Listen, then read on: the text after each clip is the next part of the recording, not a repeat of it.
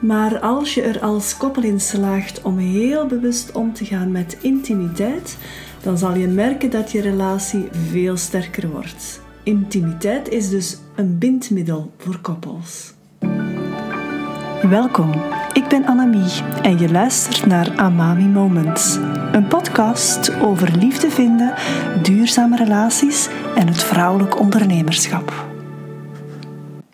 Enkele weken geleden gaf ik terug mijn masterclass nog eens en ik kreeg in de chat een vraag van iemand en ze schreef: Op de eerste date zeg ik al dat ik liever geen seks wil en dan komt er nooit een tweede date.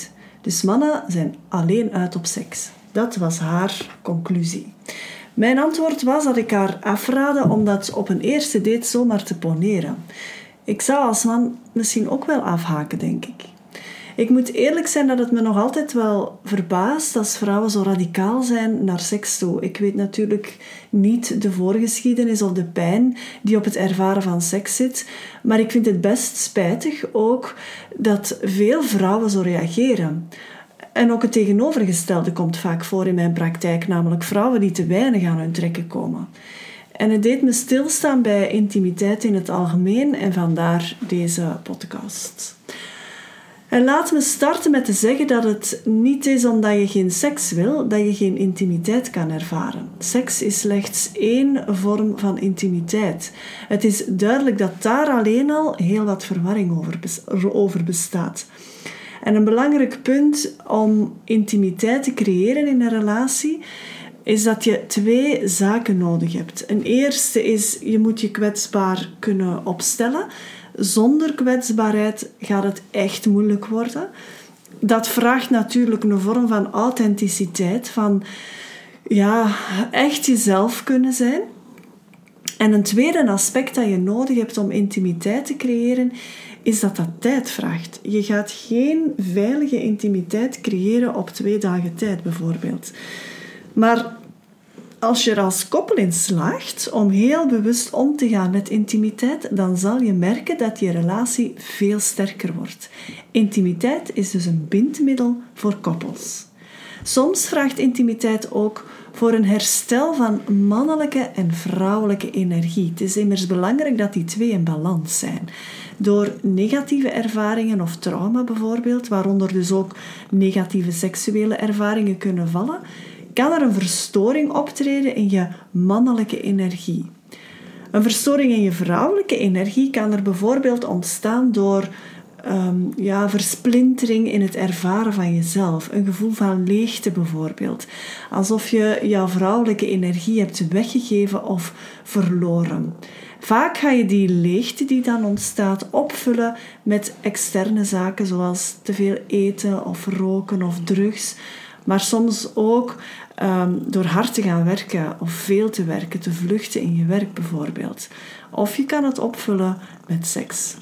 Om dan in een nieuwe relatie op een gezonde manier intimiteit te creëren, dan ja, gaat het echt wel moeilijk zijn of dan gaat het nodig zijn om dat eerst te herstellen bij jezelf. En dat start met het te erkennen, te voelen, er klopt iets niet in mij als het over ehm, het ervaren van seks gaat of over het, het, ervaren van intimiteit gaat. Ik voel dat daar iets verwrongen zit. Ik merk bij mezelf dat ik daar niet helemaal in overgave kan gaan, bijvoorbeeld.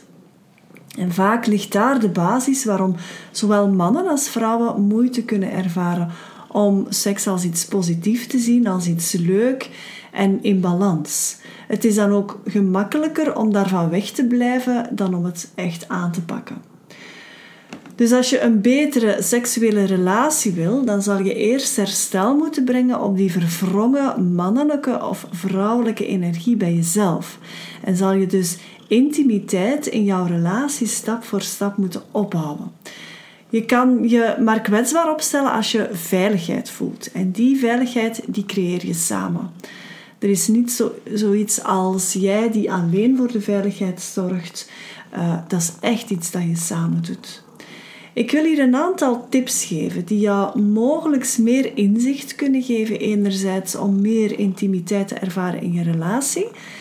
Um, en anderzijds gaan die tips jou ook helpen om inzicht te krijgen in jezelf. Een eerste belangrijke vraag is natuurlijk of jij meer intimiteit wil ervaren en of je jezelf daarvoor kan openzetten. Ben jij bereid het geschenk van intimiteit, want dat is het echt wel, het is echt een cadeau, te ontvangen? Of kies je liever voor uh, ja, om jezelf af te sluiten of jezelf te beperken? Dat is echt de hamvraag. En je moet die eerst voor jezelf heel eerlijk gaan invullen. Als je nu zoiets hebt van ja, ik ben daar niet aan toe, ik ben daar niet klaar voor, dan raad ik je echt aan om dat met een therapeut te gaan bespreken. Als je zoiets hebt van ja, ik wil in mijn huidige relatie of in mijn toekomstige relatie echt veel meer positieve aandacht gaan leggen aan of gaan geven beter aan die intimiteit ja, dan kunnen deze tips jou zeker wel helpen. Ten eerste, installeer veiligheid door eerlijk te delen wat je fijn vindt en wat je niet fijn vindt in een relatie, maar ook wat je verlangt en wat je nodig hebt. Weet dat in de eerste plaats ook voor jezelf. En dus ook al zit je nu nog niet in een relatie, het is gewoon belangrijk dat je weet van jezelf, wat heb ik nodig in een relatie? Waar verlang ik naar? Uh, wat vind ik fijn als het over seks gaat, maar ook gewoon over intimiteit, over knuffelen, over uh, praten met elkaar. Noem maar op. Je kan dit in elk aspect van je relatie gaan um, ja, onderzoeken voor jezelf. Dus eerlijk zijn wat je fijn vindt en wat je niet fijn vindt en waar je naar verlangt en wat je nodig hebt. Dat is al een serieuze opdracht, denk ik dan. Een tweede tip is creëer ruimte voor intimiteit. Dat kan je bijvoorbeeld doen door een gezamenlijk project te hebben of door tijd door te brengen met elkaar op een bewuste manier. Ik merk dat er te veel koppels zijn die, als ze dan al tijd doorbrengen met elkaar, en zeker ondernemerskoppels bijvoorbeeld, uh, dat dat geen kwaliteitstijd is. Ze gaan dan een avondje wel eens uit eten of ze gaan een keer uh, samen voor de tv zitten, maar daar gaat het niet over. Het gaat over bewust een tijd met elkaar doorbrengen. En dat gebeurt gewoon veel te weinig. Het gaat niet over dat elke week doen, het gaat over daar kwaliteit aan brengen. Daar echt met een bewuste intentie werk van maken. Een derde tip is aanvaard elkaar zoals je bent en ken elkaars liefdestaal. En neem ook verantwoordelijkheid om het liefdesvat van je partner te vullen.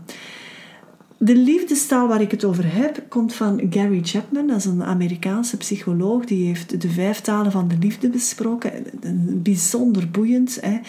En dat is echt iets dat je moet weten van elkaar. Hè? Ben je iemand die wiens liefdesvat gevuld wordt door uh, lieve woordjes, door uh, eerder aanraking of door geschenkjes, door cadeautjes te krijgen, noem maar op. Je moet dat weten van jezelf. Waar wordt jouw liefdesvat doorgevuld? Ik ga daar nu niet verder op ingaan, dat is misschien iets voor een andere podcast. Maar neem de verantwoordelijkheid, want het is jouw verantwoordelijkheid om het liefdesvat van jouw partner te vullen. En dat is niet noodzakelijk dezelfde liefdestaal dan dat jij spreekt. Dat is niet noodzakelijk dezelfde um, fuel en dezelfde brandstof die jouw partner nodig heeft. Dus dat moet je weten.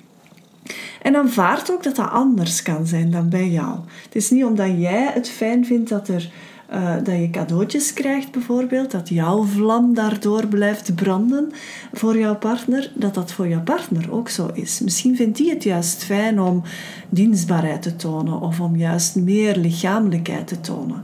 Dan moet je dat weten en dan moet je daar ook antwoord op geven en het liefdesvat van je partner vullen.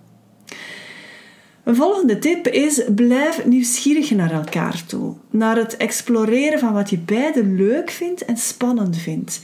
Durf ook wat out of the box denken daarin. Dat is niet iets dat je op jezelf doet, maar dat doe je samen. Dit zal nieuwe vormen van intimiteit creëren en ook bestaande vormen van intimiteit gaan verdiepen. En een laatste tip, tip wees geduldig, zacht en lief voor elkaar. De basis hier is luisteren naar wat de ander echt wil zeggen. En ook luisteren naar wat hij jou toont. Soms moet je de taal van de ander spreken om iets duidelijk te maken.